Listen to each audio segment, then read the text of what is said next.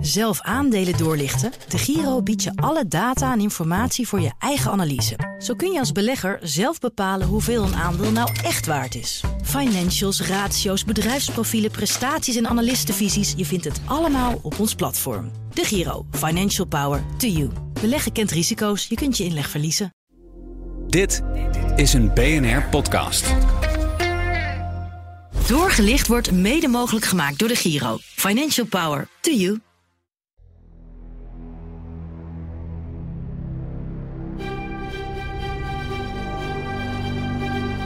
Het was feest vandaag bij Shell. Het bedrijf maakte een winst van 36 miljard euro bekend. Our highest ever full year result. Ik heb het vaker gezegd, bedrijven als Shell heb je verschrikkelijk hard nodig. Een historische uitspraak door een Nederlandse rechter. Shell moet in een veel hoger tempo verduurzamen. Want hun transformatie is ook de transformatie die we als maatschappij moeten doorgaan. En dat kan grote gevolgen gaan hebben.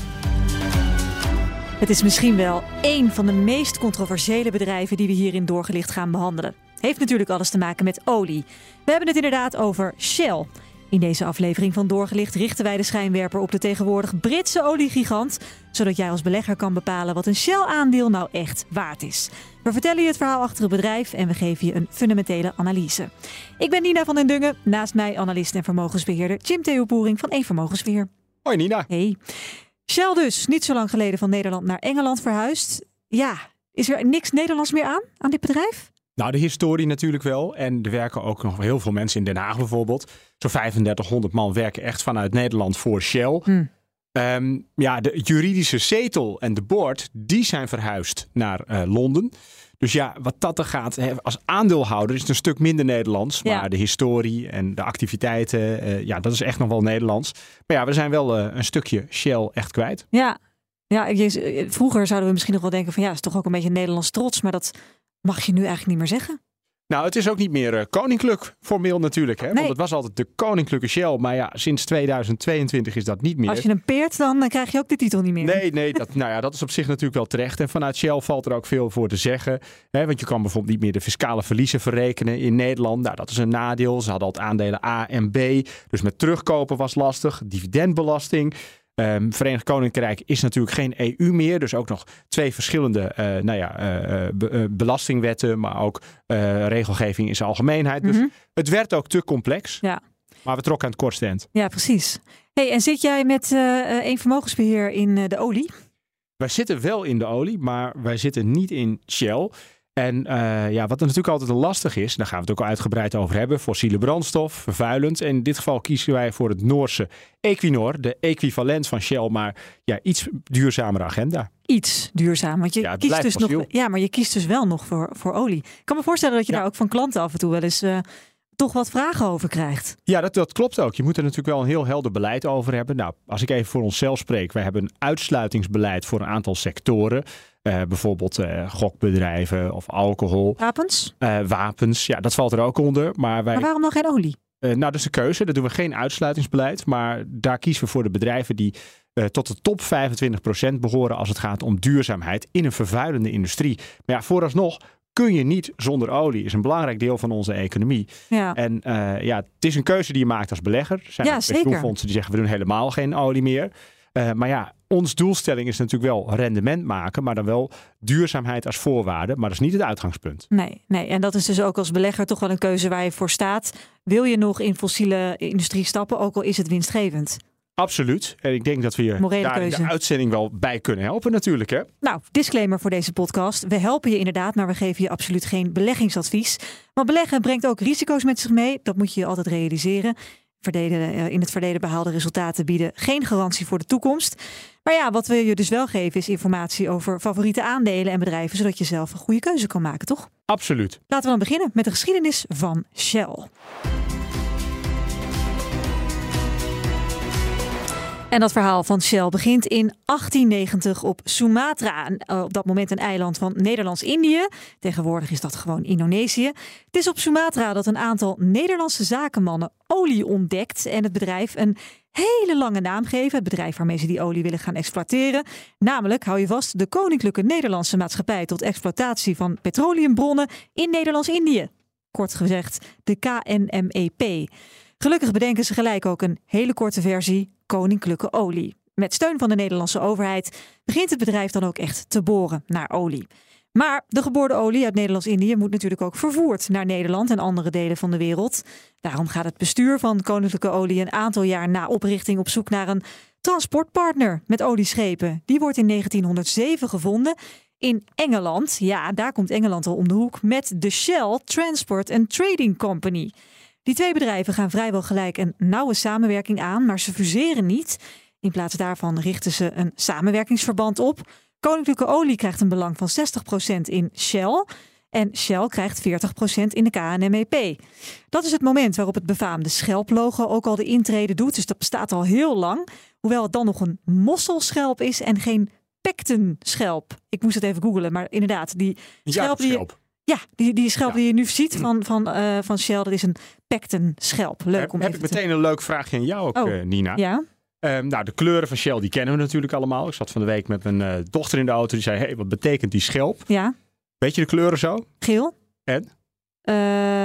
Is het niet zo'n rood oranje? Juist. Ja, rood weet je, je ook waarom het geel met rood is? Want Nee. dat is natuurlijk een Nederlands en Engels bedrijf.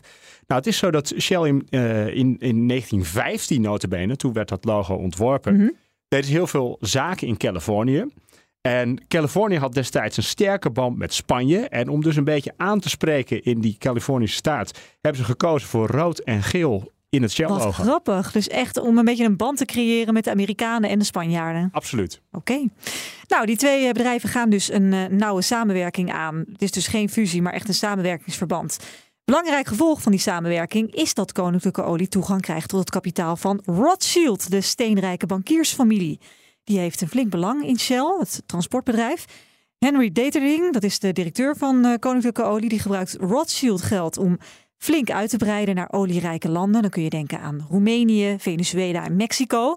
Shell bouwt daar een goede positie mee op. Die wordt alleen maar sterker als het oliebedrijf Standard Oil in 1911 ontbonden wordt in 34 kleinere maatschappijen. Dat moest omdat het bedrijf volgens de Amerikaanse rechter een monopoliepositie had. Goed nieuws voor Shell dus, want daardoor kon het bedrijf in rap tempo doordringen tot de Verenigde Staten.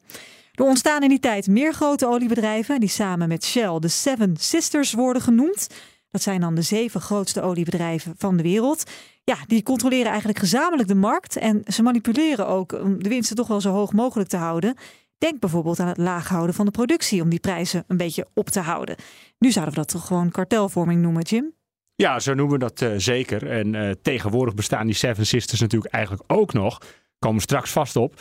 Maar In de OPEC het heet je? tegenwoordig de OPEC. Ja. Ja. dat zijn de Verenigde Exporterende en Producerende Olielanden. Die maken ook gewoon afspraken. Maar Exact. dat mag. En over de productie. En eh, ja, dat is toegestane kartelvorming. Ja, En we kijken er met z'n allen naar. Maar dat is natuurlijk pure prijsmanipulatie. absoluut.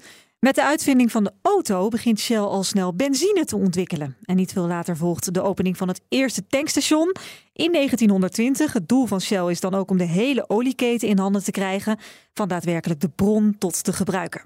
En daar hoort ook een speciale onderzoekstak bij. Aan de overkant van het IJ in Amsterdam-Noord heeft de directeur van de BPM, de heer Bloemgarten, de burgemeester van Amsterdam, meester Dailly, verzocht over te gaan tot de ingebruikstelling van een nieuw gebouw voor fundamenteel wetenschappelijk onderzoek, dat een onderdeel is van de laboratoria van de Koninklijke Shell Groep die in Amsterdam gevestigd zijn. Ja, dit zijn heel veel eh, woorden voor het feit dat ze gewoon een R&D-departement maken.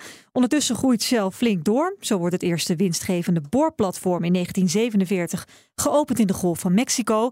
Waarna er binnen acht jaar tijd meer dan 300 boorplatformen volgen.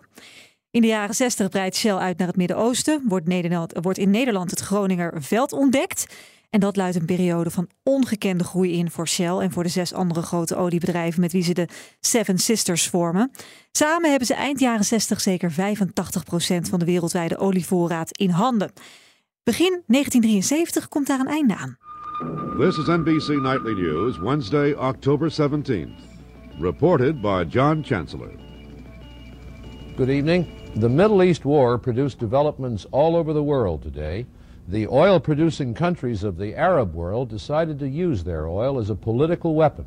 They will reduce oil production by 5% a month until the Israelis withdraw from occupied territories. Ja, de oliecrisis die leidt tot nationalisering van veel oliereserves. Ja, waardoor de marktmacht van de Seven Sisters verschuift naar de OPEC. Samenwerkingsverband van landen die olie exporteren. Maar het betekent wel dat Shell flink verdient aan de olieprijzen. De winst stijgt in 73 met ruim 150 procent naar uh, bijna 2 miljard dollar.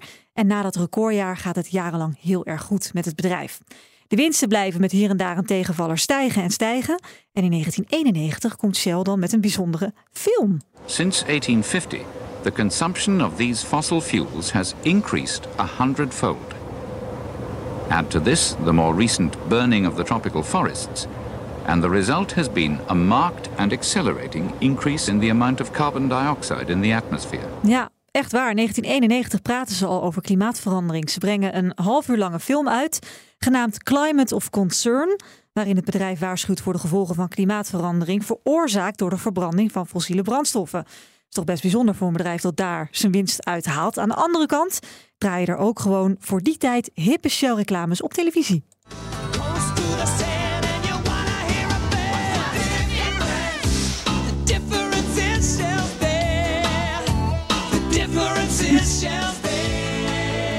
Ook in de jaren 90 draait Shell miljarden dollars aan winst, waarvan het eh, grootste deel dan nog steeds aan de olie te danken is. En die afhankelijkheid van olie, die is te merken als de winst in 98 plotseling met 95% daalt.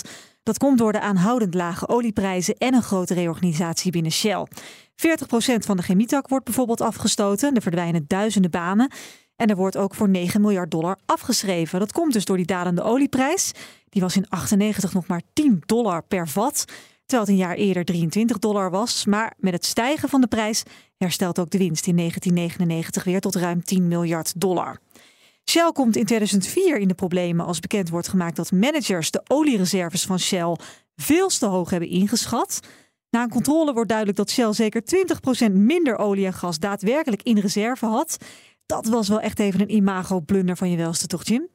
Nou, dat kun je wel stellen. Het bedrijf werd namelijk in één klap 12 miljard euro minder waard op de beurs. Was natuurlijk het grootste bedrijf op dat moment op de Amsterdamse beurs. En ja, de koers die daalde 8%. En uh, ja, de reserves die werden dus te laag ingeschat. Schattingen die gaan zelfs uit naar misschien wel zelfs dat er een derde minder was dan dat er eigenlijk in de boeken werd opgenomen. Mhm. En het kwam een beetje uh, ja, eigenlijk door het beleid dat al lang werd gevoerd sinds 1996. En het kwam er eigenlijk op neer dat er werd aangemoedigd uh, bij medewerkers om ja, de zaken zo rooskleurig mogelijk uh, voor te doen. Maar rooskleurig moet natuurlijk wel bij de waarheid blijven. Ja, dus dat was gewoon keihard liegen. En dat was inderdaad niet het geval. Dus ik herinner me echt nog heel goed van de ene op de andere dag een schok door de financiële markten. Want ja, Amsterdamse beurs, Shell, dat was de trots van het Damrak. De beurslieveling, ja. Shell kreeg er ook een fikse boete voor van 17 miljoen pond van de Britse marktwaakhond. En het bedrijf moest ook 450 miljoen dollar betalen aan niet-Amerikaanse aandeelhouders. Er kwam nog een belangrijke ontwikkeling voort uit dat schandaal. Shell gaat reorganiseren om uiteindelijk echt één bedrijf te vormen. Royal Dutch Shell. Hoofdkantoor in Den Haag, maar de onderneming valt onder het Britse recht. In 2005 is die fusie rond en dat betekent dan ook dat er vanaf dan één Shell-aandeel op de beurs te vinden is. Hoe uh, werkte dat, Jim? Ja, één aandeel. Uh, het heette allebei Royal Dutch Shell. Maar je had aandelen A en B. Mm -hmm. Dus het was echt wel uh, één bedrijf, maar met twee noteringen. Eén aan de Londense beurs, dat waren de aandelen B. En ja? één aan de Amsterdamse beurs, aandelen A.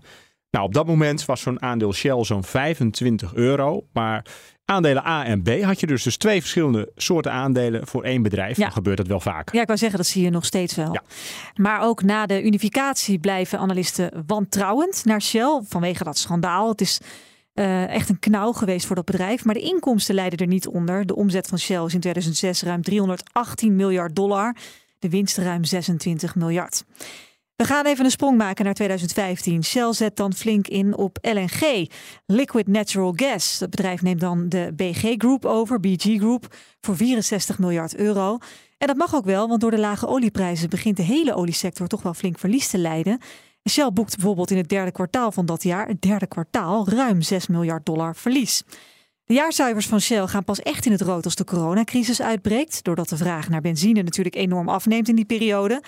Verlies bijna 22 miljard dollar.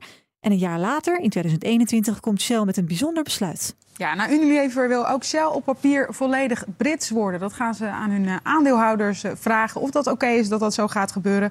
En ook het hoofdkantoor wordt dan naar het Verenigd Koninkrijk verplaatst. Ja, waarom willen ze dat ook alweer, Jim? Nou, er zijn meerdere redenen voor. Uh, het is natuurlijk makkelijker qua organisatie als je me vanuit één plek hoeft te besturen. Um, daarnaast is de dividendbelasting speelt een rol. Daar is natuurlijk ook veel om te doen geweest eerder al. Want Unilever die had om die reden ook al besloten om naar uh, het Verenigd, uh, Verenigd, Koninkrijk te gaan. -hmm. En je kunt op die manier wat sneller zaken doen. Nou, daarbij is natuurlijk ook wel dat eigenlijk gesteld wordt als je bijvoorbeeld kapitaal zou moeten ophalen of de toegang tot investeerders, dat die in de Londense City is, be beter is dan aan de Amsterdamse ja, Zuidas. Kan je makkelijker koffie drinken daar? Ja, en ik noemde het net al, uh, ja, de mogelijkheid om bijvoorbeeld uh, verliezen uit uh, deelondernemingen te verrekenen in het moederbedrijf. Nou, dat kon in Nederland, maar later dus niet meer. Ja, als dat soort voordelen verdwijnen, dan is de stap voor, uh, vanuit financieel oogpunt makkelijk gezet. En dan wordt de Nederlandse historie aan de kant geschoven. Ja. En nou, zit je iets verderop in Londen. Ja, nou en zo gebeurde. Um, de winst van Shell herstelde na de coronacrisis snel naar ruim 20 miljard euro. Het grootste deel van die winst is nog altijd afkomstig uit gas en olie. En de echte klapper voor het bedrijf kwam in 2022.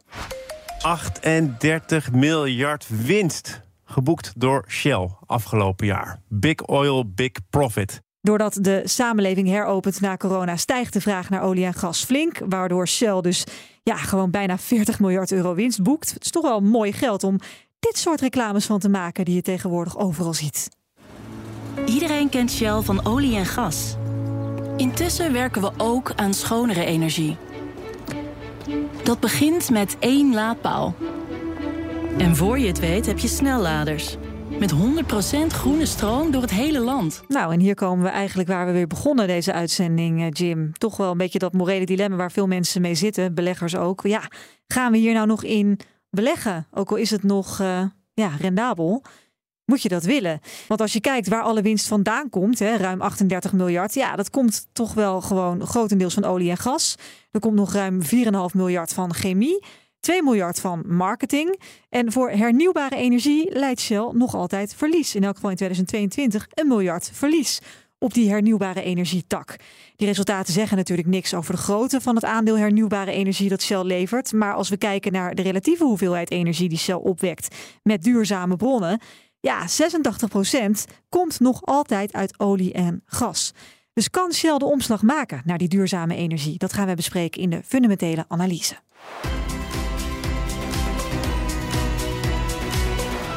Um, uh, altijd te beginnen met de SWOT-analyse. De kwaliteiten van Shell gaan we doorlichten. De strengths, de weaknesses, de opportunities en de threats.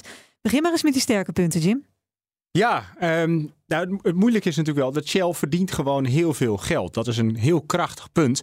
Maar ik zit ondertussen nog even na te denken, Nina, dat uh, wat we dingen met z'n allen niet moeten vergeten, dat een groot deel van die winsten kan worden aangewend in, aan investeringen in hernieuwbare ja, energie. Het helpt voor die transitie. Ja, en dat is heel belangrijk om je ook te beseffen dat een bedrijf dat direct begint met uh, duurzame energie, ja, dat zal verlieslatend zijn en heeft eigenlijk daarmee uh, ja, uh, nauwelijks kans op te overleven. En als je dat doet vanuit uh, een bedrijf als Shell, waar grote winsten worden gemaakt op fossiele energie, waarvan een deel van die winst weer kan worden geïnvesteerd ja, in hernieuwbare energie, ja, dan kun je geleidelijk die transitie maken. Dus je kunt altijd boos zijn op Shell, dat zijn ook heel veel mensen, maar die moeten ook niet vergeten dat de winsten uit die schadelijke activiteiten uiteindelijk erin kunnen resulteren dat er meer wordt geïnvesteerd in nieuwe energie. Ja, en dan ben je ook eigenlijk gewoon met een kans begonnen, want dit is natuurlijk gewoon een kans voor Shell ja. hè, om ja. die transitie mogelijk te maken en te versnellen.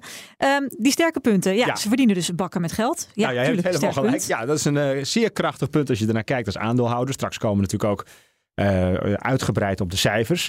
Nou, een ander punt is schaalvoordelen. Het is een van de grootste oliemaatschappijen ter wereld. Uh, ze hebben sterke merken, uh, bijvoorbeeld V-Power, uh, LPG, Rotella. en ja, daarbij is het ook zo dat de zetel, of eigenlijk de positie die Shell heeft, geeft ze ook een hele sterke onderhandelingspositie in de sector. Nou, daarbij is het ook dat ja, Shell heeft haar bedrijfsactiviteiten, zoals we dat dan noemen, verticaal geïntegreerd. Want wat ze doen is aan de ene kant exploratie van en productie van ruwe olie en aardgas. Dat doen we upstream. En aan de andere kant hebben ze ook de downstream activiteiten.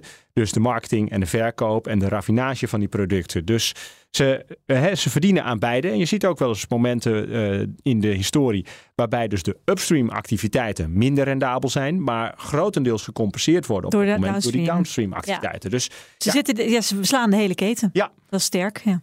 En uh, nou ja, dan toch uh, wat ik wil noemen als uh, sterk punt. Ze hebben veel geïnvesteerd in hernieuwbare energie. Bijvoorbeeld die deal met BG in 2015, waarbij ze voor heel veel geld actief werden op de LNG-markt. Ja. Daarvoor moesten ze zich ook flink in de schulden steken.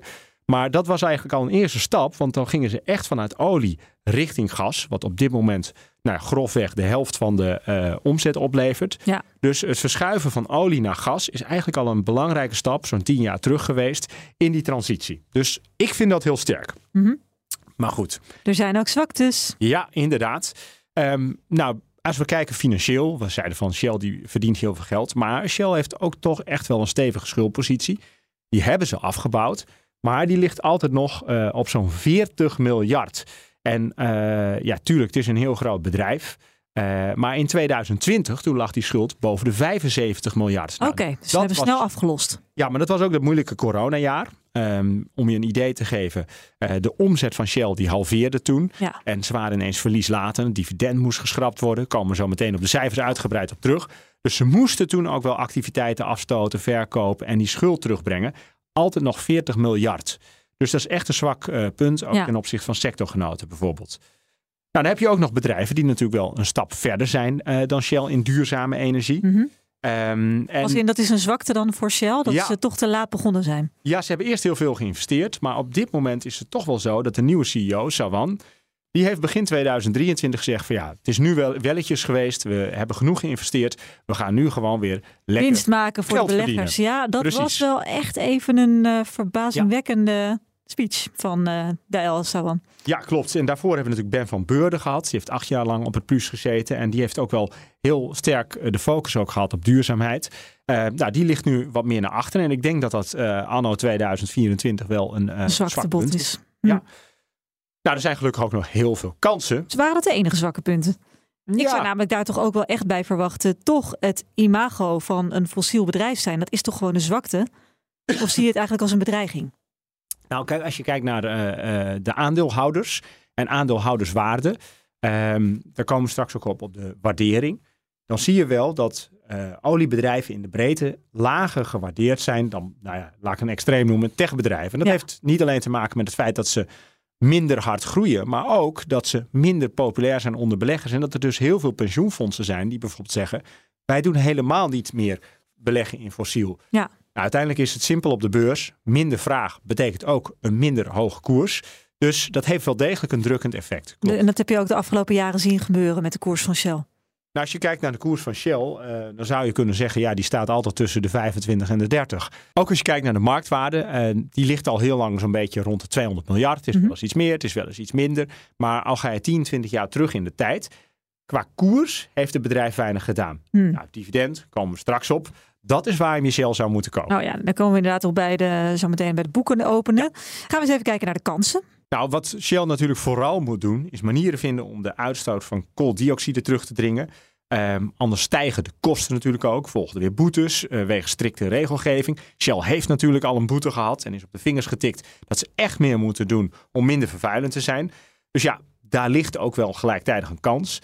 En ja, ze moeten meer investeren in alternatieven van fossiele energie, dus wind- en zonne-energie.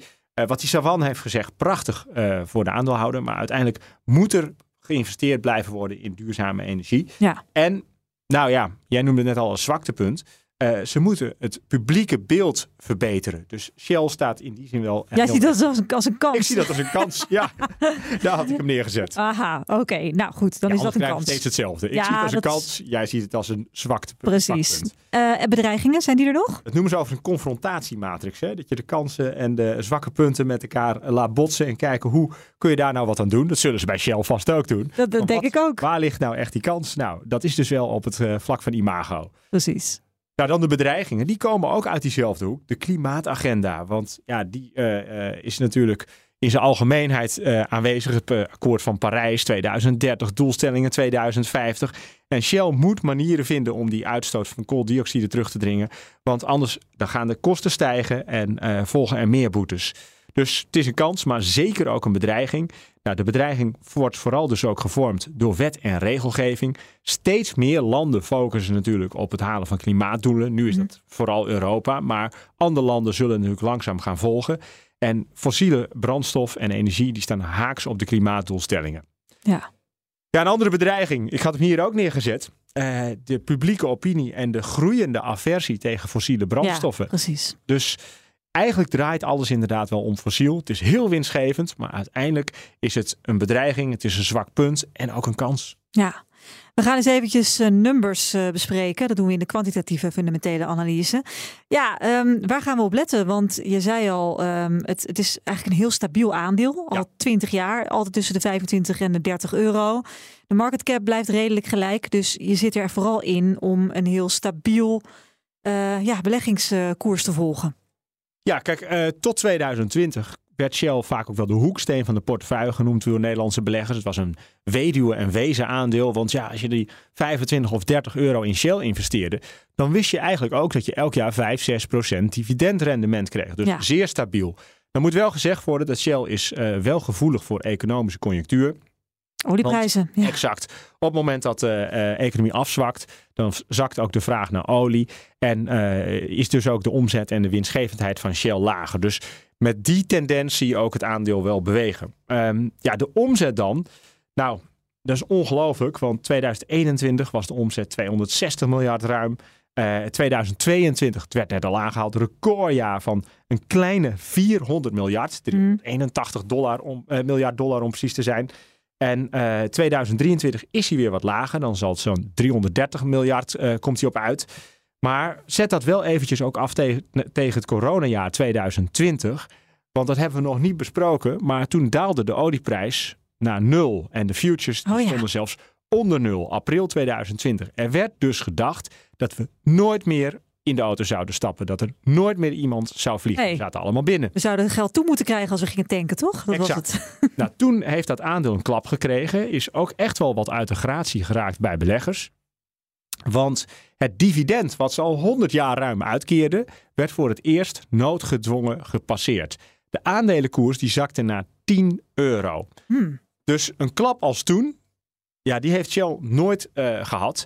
Dus 2020 was echt een desastreus jaar voor Shell. Maar ze hebben ook door eh, sterk management, effectief ingrijpen, onder andere bezittingen verkopen, de schuldpositie terugbrengen, eh, zijn ze er heel snel ook weer bovenop gekomen. Dus ja, het aandeel dat liep snel ook weer op naar de 30 euro. Dus van 10 euro Ja. richting 30. En dat moet ook wel eh, gezegd worden dat het management daar uitstekende zaken heeft gedaan en een deel van het vertrouwen weer teruggewonnen. Nou, je noemde het al. Het is een, we- of ja, een, echt een dividendaandeel. Eh, qua groei valt het wel mee, want die omzet ja, die ligt zo'n beetje rond de 300 eh, miljard.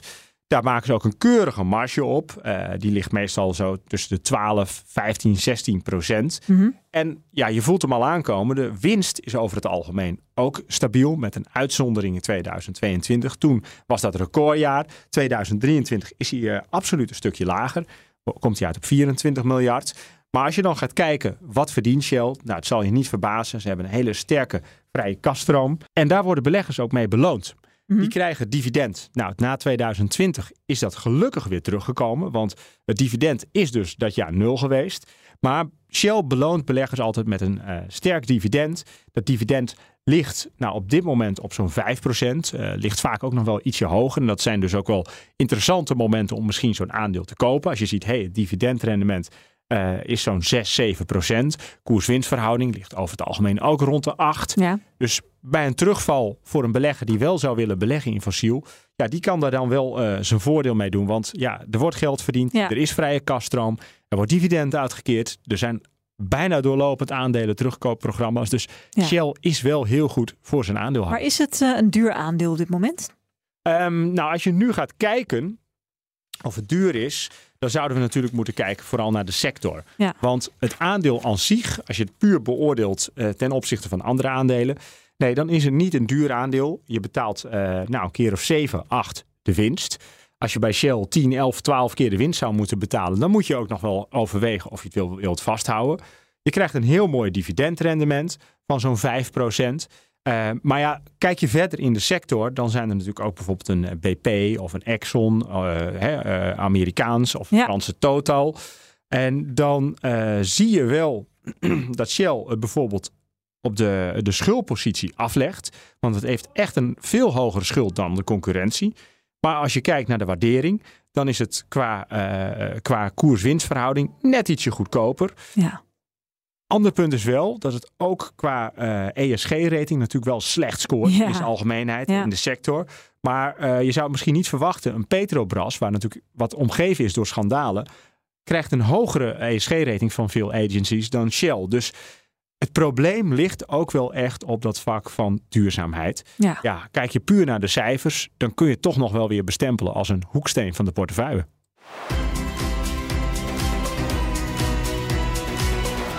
Hebben behoorlijk wat eh, informatie bij elkaar geveegd. Genoeg om een oordeel te vellen. Hoe vat jij een Shell-aandeel samen?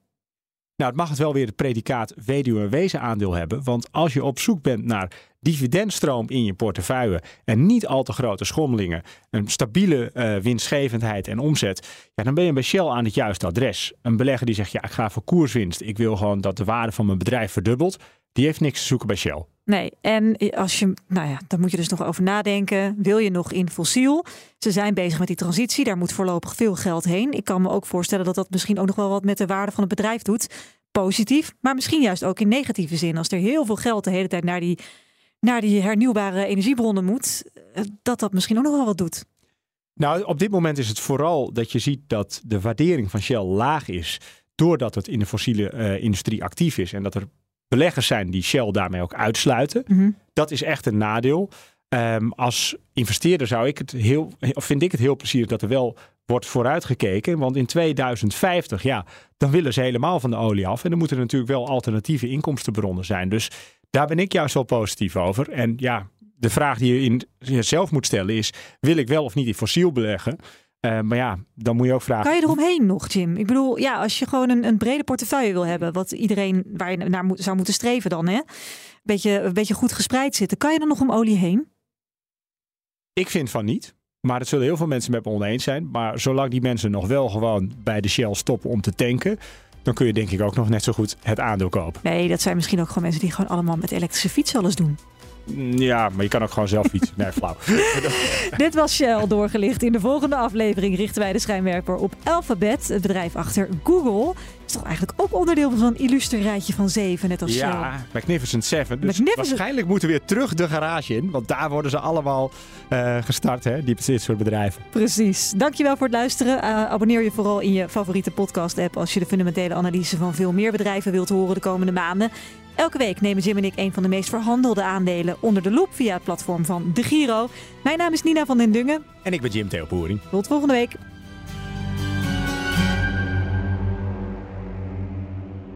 Doorgelicht wordt mede mogelijk gemaakt door de Giro. Financial Power to you.